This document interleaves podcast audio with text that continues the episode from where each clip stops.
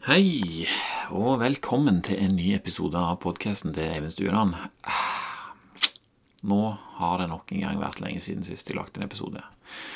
Jeg vil jo aller helst lage podkast hele tida, så hvorfor får jeg det ikke til? Det er det denne episoden skal handle om. Jeg vil forklare hva det er som gjør at jeg ikke får lagd episoder, og så vil jeg gjerne ha noen tips, litt hjelp, noen råd fra dere til å bestemme meg for hva jeg skal gjøre med den saken. Såpass føler jeg at jeg skylder dere. Til tross for at jeg ikke har lagd episoder på lenge, så kommer det fremdeles mailer i ny og ne fra lyttere som hører på gamle episoder. Ah, tusen takk, altså. Dere aner ikke hvor deilig det er å høre hva dere tenker om det, disse tingene her. Eh, disse episodene tar jo relativt kort tid å spille inn og, og lytte til, men det går langt flere timer med til å lese, tenke, sjekke, tenke igjen, finne mer å lese om, skrive ting på nytt og komme på nye måter å si en ting på. Det er liksom det jeg liker med dette. her. Og så liker jeg når jeg er ferdig med det òg, at jeg har kommet i mål. Da oppnår jeg denne her Zeigarnik-effekten. Altså, det oppleves som jeg har oppnådd noe, og at jeg kan gi slipp på oppgaven og suse videre med på en måte masse ledig kapasitet til å oppleve livet mitt en liten periode, før det kommer nye ting å tenke på, lese om og sjekke og researche og observere effekten av. Samtidig så lever jo alle episodene på en måte inni hodet mitt og bidrar til at jeg eh, legger merke til mange ting som jeg kan navigere etter. Jeg føler meg ganske rik på den måten der. Så nå vil jeg gjøre det mer, da. Eh, og merkelig nok kan man si så er det nettopp mitt ønske om å lage flere podkast-episoder som gjør at jeg ikke får gjøre det Får gjort det. Nå skal du få høre. Våren 2020 satte jeg i gang med et stort prosjekt. Det var iallfall stort for meg. Jeg hadde allerede tenkt på det i et par år, vridd og snudd på det, før jeg endelig havna på tema, en tittel og en struktur jeg var fornøyd med. Jeg skulle skrive en bok om de mest grunnleggende og nyttige tingene som jeg hadde funnet ut gjennom min fartstid som podcaster da, siden 2014. Tanken min var at jeg skulle skrive en bok om eh, rett og slett et tema som det ikke er særlig mange som, som vet noe om. Evolutionary mismatch. Så begynte jeg å tenke. Hva vil et menneske som ikke vet særlig mye om strukturen bak omgivelsene sine, ha godt av å vite om? Hva ville meg sjøl for 15 år siden sette pris på å vite? En som likte seg på TV til det ble for seint til å være opplagt i morgen. En som spiste og drakk det som var godt og gøy, uten at framtidige konsekvenser var en del av det regnestykket. En som fryda seg over hva han kunne bruke lønna si på når han så reklame fra elektronikkbutikkene. En som mente mange ting uten å vite noe særlig. En som ikke visste hva han skulle gjøre med livet sitt, men som opplevde sporadiske nedturer av følelsene ga han. Hva for noen ting ville jeg forklart en sånn person? Og hva ville han ha bruk for å høre? På hvilken slags måte ville jeg forklart det hvis målet var at personlig endring ble en naturlig følge av informasjonen han fikk, uten at han ble direkte oppfordra til å gjøre det. Det er her tittelen kommer fra. Syv ting det kan være greit å vite noe om. Det var mange forslag før det, men jeg syns denne her passet best. Altså, det heter ikke syv ting du må vite noe om for å få til ditt eller datt. Nei, dette her er rett og slett syv ting det kan være greit å vite noe om. Syv ting fortalt på en måte som kan få denne karen og alle andre som har lignende tendenser, enten de sitter på skolen, universitetet, jobben eller hjemme, til å reflektere rundt hva som skjer i miljøet deres. Til nå så har denne karen her vært som en plastikkpose i stiv kuling. Blåst rake veien dit som alle andre er på vei. Fanger en dragsug av sine forbilder. Kjøp denne, se på det her, le av ditt, føl du må bry deg om datt, ha denne meningen. Hva er den urolige følelsen han får når han vil gjøre noe annet enn det de andre gjør? Sant? noe han sjøl vil. Han har vel ingen rett til å komme på noe sjøl? Han vet vel ingenting. Det er de på TV og de som skriver bøker og alle andre som vet.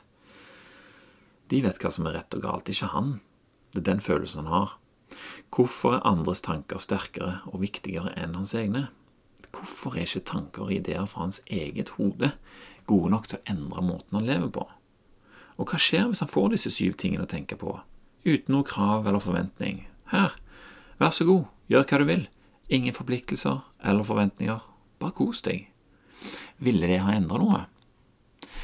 Forståelsen av hvor vi kommer fra, gjør det synlig hvordan vi kan bygge vaner, hvordan vi kan vedlikeholde oss sjøl, hva som skjer når vi spiser maten vår, Vi kan unngå at stress styrer handlingene våre, så må vi fremdeles var på savannen. Vi overser oppfordringen om å glise inn i skjermen x antall episoder til, fordi vi ønsker å sove i henhold til hva vi skal gjøre i morgen. Og til sist, vi skjønner hvordan oppmerksomheten vår fungerer, hva som fanger den, og hvorfor det er så enkelt for andre å gjøre det. Det var de syv tingene. Hvor vi kommer fra, hvordan vi bygger vaner, hvordan vi vedlikeholder oss sjøl, hva som skjer med maten vi spiser i kroppen vår. Femte tingen er stress. Sjette tingen handler om søvn. Og den syvende handler om oppmerksomheten vår. I tillegg så har jeg skrevet en innledning som skal fungere som en primer for disse her episodene, eh, eller disse her kapitlene. Og I innledningen så presenteres og luftes det flere ideer og spørsmål som oppfordrer til å tenke på hvordan disse temaene skal få oss til å endre oppfattelsen av hva som er fornuftig å gjøre i forhold til hva vi sjøl ønsker å oppnå. Så min teori er at det blir mye lettere å skjønne våre egne tendenser og konstruksjonen bak triksene vi faller for, når vi vet om disse tingene. Student eller familiefar, bestemor eller førskolelærer. Jeg tror flere vil være i stand til å finne sine egne løsninger på situasjoner de havner i. Og hva blir gevinsten av det, da? Blir det muligheter? Blir det en evne til å unngå å leie konsekvenser? Blir det selvsikkerhet til å gå løs på utfordringer på egen hånd? Forståelse for hvordan man kan komme seg rundt feller eller over hindrer? Vil de som vet dette, slippe unna konsekvensene så mange andre lider under? Oppnår de resultater de fortjener isteden? Vil de skjønne hvordan de kan oppnå det som de til nå bare har lest om at andre har fått til? Det blir ganske åpenbart hvorfor mennesker i omgivelsene sier som de sier og gjør som de gjør. Det blir, bare, en, det blir bare ikke en like stor selvfølge å dilte etter. De kan gjøre som de sjøl vil nå, og når de gjør det, så vil de oppdage enda flere ting. Ting som har med de sjøl å gjøre. Ting som gjør at de kan komme på nye, gode ting for seg sjøl. Og når de klarer det, så vil det dryppe på omgivelsene. Familie, kolleger og venner får en, eh, en ny ting å forholde seg til. Det er noe som har endra seg. Kanskje de begynner å følge denne personen.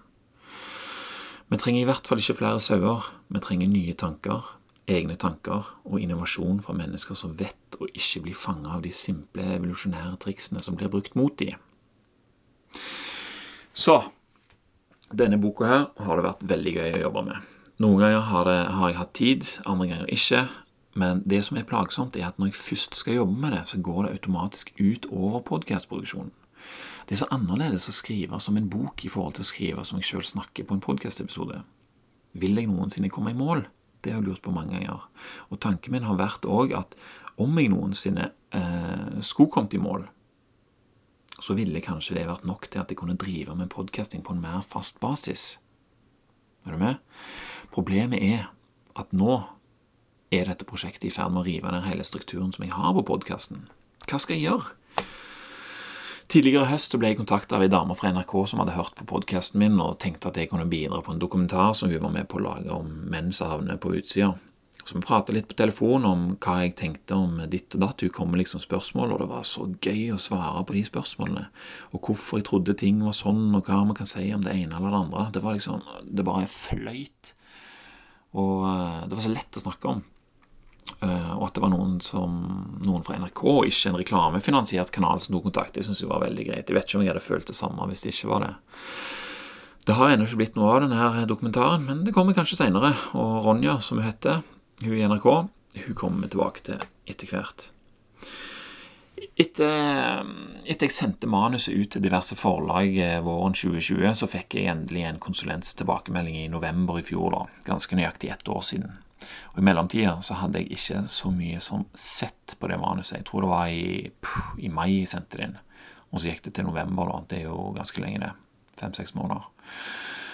Og så hadde jeg planer om å ta tak i det over nyttår nå, i 2021, men ting skjedde. Vi kjøpte oss et utleiehus som trengte mine hender og tanker. Uh, vi har jo drevet med og bygd opp uh, passiv inntekt til en uh, verdenstur som vi skal reise på 1.9. neste år. Sånn, Dette er ting jeg har lyst til å lage episoder om, men som jeg ikke har tid til. Uansett, det var ikke så mye tid igjen verken til bok eller podkast. Og når utleiehuset var, var, ferdig, så fikk jeg liksom skvist inn noen episoder før sommeren. Og, og så var planen å jobbe med manus da etter sommerferien. Og det gjorde jeg òg.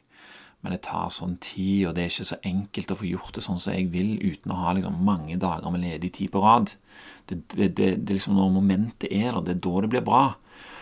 Og så fikk jeg jo med meg min barndomsvenn Torleif da, til å lese på manuset og gi meg tilbakemeldinger. Det var veldig nyttig. Han viste meg ting som jeg ikke var i stand til å se sjøl, og jeg lærte stadig at ting som funker i en podkast, funker ikke like bra som en bok. Og det var liksom åh, det var så plagsomt. Som sagt, veldig gøy òg. Eh, og det er som jeg kjenner at jeg liksom blir veldig mye bedre å skrive eh, når jeg får disse tilbakemeldingene og jobber med dem. Men ett eneste kapittel tar så lang tid, og jeg får ikke momentet opp eh, når jobb og hverdag krever sitt innimellom hele veien. Så en dag så oppdager jeg noe. Av en eller annen grunn så var min kjære Newsfeed Eradicator på Facebook, programmet som gjør at jeg ikke ser feeden min, den var slått av i ett minutt av en eller annen grunn. Først så fikk jeg jo fullstendig palmesjokk over hvordan feeden min faktisk så ut, for det var tre år siden sist jeg hadde sett den. Ingen problem med å skjønne at folk handler som de gjør. Ingen problem med å skjønne at folk lurer på hva jeg driver med. Alt jeg ser på Facebook, er liksom Volkswagen T3-deler og gamle vrak som skal selges og sånt. Ellers er det ingenting. Men denne dagen her ble jeg altså eksponert.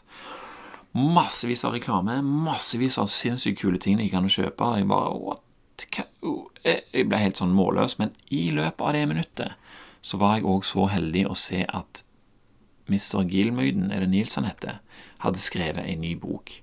Og jeg så òg at noen hadde kommentert den posten som han hadde lagt ut, med et ønske om å få boka tilsendt. Så jeg, Hæ? Og den boka den het 'Skrivekunstens hemmeligheter'. Så jeg skrev òg eh, en kommentar under der om jeg kunne få den tilsendt, og vips, der var Newsfeed Eradicatoren min på igjen, før jeg rakk å kjøpe alle de geniale, nyttige og gøyale tingene som finnes der inne. Uh, jeg mener det, det var rett før. For jeg vet at jeg ikke klarer å holde meg når jeg først har sett noe. Da er det mye bedre å ikke se det og vente til noen kommer og viser meg noe de har kjøpt som de faktisk er fornøyd med. For altfor mange ganger har jeg kjøpt noe genialt som egentlig er noe drit, og da har jeg plutselig bidratt til å sende penger til et annet land, motivert det landet, de folka som bor der, til å produsere søppel, som de da sender til meg på andre siden av jordkloden, sånn at jeg kan kaste det og sende det tilbake. Nok om det. Jeg leste iallfall boka til, til Gilmyden. Hva er det? Er det hans, eller er det Nils? Jeg husker ikke. Gilmøyden. Jeg kaller den bare for det. Og Den var til og med signert. Oh, det var veldig hyggelig.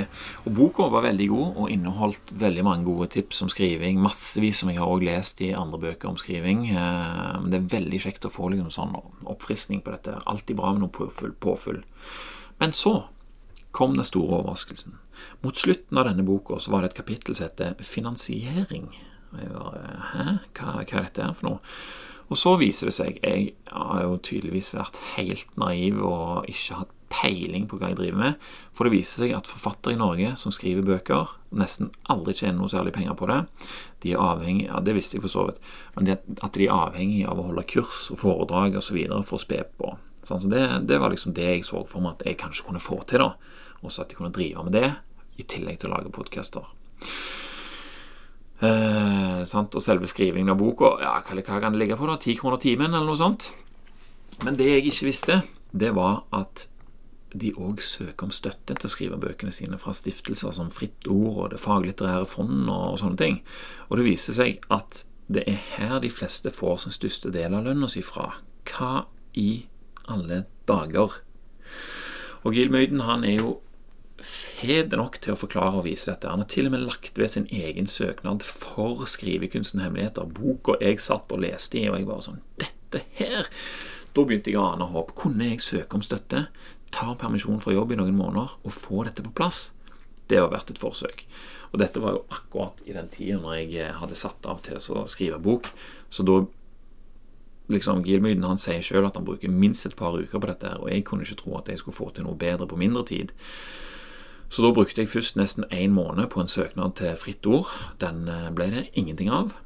Og så brukte jeg Altså, det, det, er liksom, det er vanskelig for debutanter som ikke har en avtale med et forlag allerede, og bla, bla, bla. bla, Og, men uansett, jeg tenkte det var verdt et forsøk. Og så brukte jeg noen uker til, innimellom alt så klart, på å skrive enda en søknad, denne gangen til Det faglitterære fond. Og da skjerpa jeg meg noe så sinnssykt Og den sendte jeg inn for det er sikkert tre uker, tre-fire uker siden, eller noe sånt nå. Det var den fristen Ja, det var vel 15. 15. oktober. Jeg mener det, det var det heftigste og mest intense prosjektet jeg har gjennomført uh, sånn skrivemessig. Jeg var så gåen når den søknaden endelig var sendt inn, at jeg var i gledesrus i flere dager. Og så, uh, og så kom, jo, kom jo alle de tingene som jeg hadde utsatt mens jeg skrev søknaden. Da. Så ble det jo bånn gass i hele uka hjemme med barneselskap og hustakst og ja, fandens oldemor, før jeg kom tilbake til, til, jobb og tenkte at nå skulle jeg se på dette prosjektet igjen, fortsette å skrive bok og liksom. Men det jeg oppdaga da, var at jeg hadde fått et alvorlig tilfelle av Zeigarnik-effekten. Altså, Jeg har lagd en episode om det hvis du vil sjekke den episoden ut. Men korte trekk så går det om at eh, går det i det at eh, eh, Når du er ferdig med en ting, så går den på en måte i glemmeboka i forhold til når du har den gående i bevisstheten din, så, så jobber du med den. Det er lett å legge det til side, det er lett å ta det fram igjen, og, og du liksom kan, kan, holde momentet gående. Men det var, som det var, som det var flatt, altså. Det var bare vekke. Eh, og da var det sånn Hva, hva i alle dager skal jeg gjøre nå? Det var som jeg var ferdig, liksom. Og samtidig eh, så holdt jeg jo på med liksom sånn pengegreier og, og styring og stelling for å sikre meg økonomisk mot denne her turen som vi skal til, til neste høst. Så jeg hadde liksom så sykt mange ting i hodet. Og da kom liksom sånn Vil jeg noensinne få dette her i boks, eller? Og hva med podkasten? Så står det her inntørka som ei skamtørre sviske, helt vannkjøtta. Foruten familien min, så er det jo den jeg bryr meg mest om, liksom. Uh, og ikke var jeg helt fornøyd med kvaliteten på de siste episodene mine heller. Det var sånn krampeaktige greier. Jeg hadde rett og slett for mye i hodet i den tiden som jeg lagde de. Så den kvelden så skrev jeg til meg sjøl i, i um, Five Minutes Journal-boka mi Hva skal jeg gjøre nå? Så Neste morgen våkna jeg etter ei urolig natt, tok fram notatboka igjen, skrev mine linjer om vanlige om hva jeg er glad for, og hva jeg har tenkt å gjøre, og sånt, og så kom det plutselig en tanke. Jeg har tidligere tenkt på om jeg bare skal drite i hele boka og heller bare lage en drøss med episoder i en lang serie med, med samme tittel. Liksom. 20 ting det kan være greit å, å, vite noe om. Litt sånn som jeg gjorde med stressepisodene og sex og disse her. Eh, og bare, bare lage podkasten, liksom. Men det har bare vært en slags sånn trøstetanke i tunge stunder, da. Men nå var det noe annet her. Jeg kommer på min gode gamle barndomskamerat Odin som driver med sjakk, og han og en kompis hadde laga seks episoder av en podkast som de kalte for Sjakksnakk, og den hadde de solgt til NRK. De hadde fått greit betalt, men kostnadene var også høye, så de satt ikke igjen med sånn dødsmye, men det var ganske sånn proft lagt, med liksom gjester og leie av studio og bla, bla, bla. Jeg er jo bare én mann, en PC og en båndopptaker, så jeg tenkte hm, kanskje det er dette jeg kan prøve på. Kjenner jeg noen i NRK, mon tro? Det gjør jeg. Der kom Ronja inn i bildet igjen. Selvfølgelig. Så jeg ringte Ronja på vei hjem den dagen og fortalte om den boka, hva det innebar, hva jeg tenkte, alt det som dere har hørt nå. Eh, så dette er jo allerede på mange måter et prosjekt som er veldig godt i gang. Da. Det er langt bedre på vei enn mange andre som pitcher sine ideer til NRK, som bare liksom har en idé sånn Dette hadde vært kult. Jeg har jo brukt hundrevis av timer på dette her allerede. Så liksom, kunne vi lage noe ut av dette her? Ronja tenkte TV-program, liksom, og liksom, jeg tror det er det hun hovedsakelig driver med. Uh, og Grunnen til at hun ringte meg først, var jo egentlig at hun likte disse her mentale bildene som jeg lager på ting i podkast-episodene. Uh, så hun tenkte at det hadde vært kult å vise de bildene. Så jeg er liksom sånn hmm, Jeg er mer vant til å jobbe for meg sjøl, og kunne heller tenkt meg å lage podkast på den måten som jeg er vant til å gjøre det, sånn at uh, de som hører på sjøl, kan få male disse bildene inni hodet sitt. Det er jo det som gir den effekten. Og spør du meg, så er jo det mye mer effektivt og mye mer holdbart enn å få noen ferdig redigerte bilder servert rett inn på netthinna. Liksom. De, de, får du bare, de trenger du ikke lage, de trenger du ikke jobbe for. En husker bedre det en lager sjøl. Og I tillegg så vil jo et TV-program ta for lang tid, ser jeg for meg, og jeg må forholde meg til massevis av folk og avtaler og tidspunkter og sånne ting. Det er jo en grunn til at jeg ikke har gjester på podkasten, er jo at jeg kanskje får dra avtaler. Eh, og så skal jeg jo på tur 1.9. neste år og bli vekke i åtte-ti måneder. Og jeg ser ikke for meg at vi kan bli ferdig med TV-program til den tida. Uansett, poenget her er at jeg vil lage podkast, men jeg vil òg at jeg ikke skal måtte Hvordan skal jeg si det Gjøre så mye mm, vanlig jobb, da. Eh, jeg vil òg at det skal gi meg noen kroner, for å si det sånn. Sånn at jeg ikke trenger å jobbe like mye som nå. Jeg vil sakte, men sikkert vri det over til å kunne tilby mer innhold og min bedre kvalitet enn det jeg har klart så langt, når jeg bare har gjort det liksom i de derne fristundene som jeg har, der jeg kan gjøre det. De som jeg liksom bruker istedenfor å se på TV og kikke på smarttelefonen. Og Samtidig så ønsker jeg jo da ikke å ha reklame på podkasten. Det blir uansett ikke løsningen. Og så er jeg veldig vanskelig for å be eh, lytterne om noe. liksom. Jeg får helt knyte seg i magen bare jeg snakker om det nå. Men samtidig så er det en tid for å prøve nye ting nå, så da falt det seg naturlig å spørre dere hva syns dere jeg skal gjøre? Skal jeg lage podkast til NRK? Det har jeg egentlig veldig lyst til. TV? Mm, litt tvilsom. Er dere eventuelt villige til å betale noen skarve kroner for innholdet mitt via f.eks. Patrion eller noe sånt? Er det noen som er villige til å betale ganske mye for at jeg skal hjelpe dem personlig med et eller annet de trenger hjelp til? Jeg har hjulpet ganske mange folk før og hatt veldig gode resultater eh, på det. Og den eneste kriterien jeg setter til folk jeg skal hjelpe, er at eh, de har høy nok motivasjon til å betale så mye at det virkelig kjennes, uten noen som helst slags form for mulighet til å kansellere eller få pengene igjen ved misnøye. Da blir liksom motivasjonen ganske høy for at du skal komme i mål. Altså, Jeg bare slenger ut ideer her. Eh, en kombinasjon av disse her. Er det, er det noen som er, mm, har lyst til å prøve noen av de tingene? Og er det noen som har noen andre ideer om hva jeg kunne gjort for noe? Jeg er iallfall klar nå for å gjøre noe annerledes. Jeg kjenner at jeg leker med tanken om å slutte å bruke så mye tid på å skvise det der syv ting-prosjektet gjennom det knøttlille nåløyet. Som jo voktes av folk som bare vil endre på det. Jeg, jeg, jeg vil heller lage noe som jeg liker Sant? Jeg var jo en av de første som begynte med podkast i Norge. Jeg har, jeg har, drevet med det lenge. Det, det, er noe jeg kan.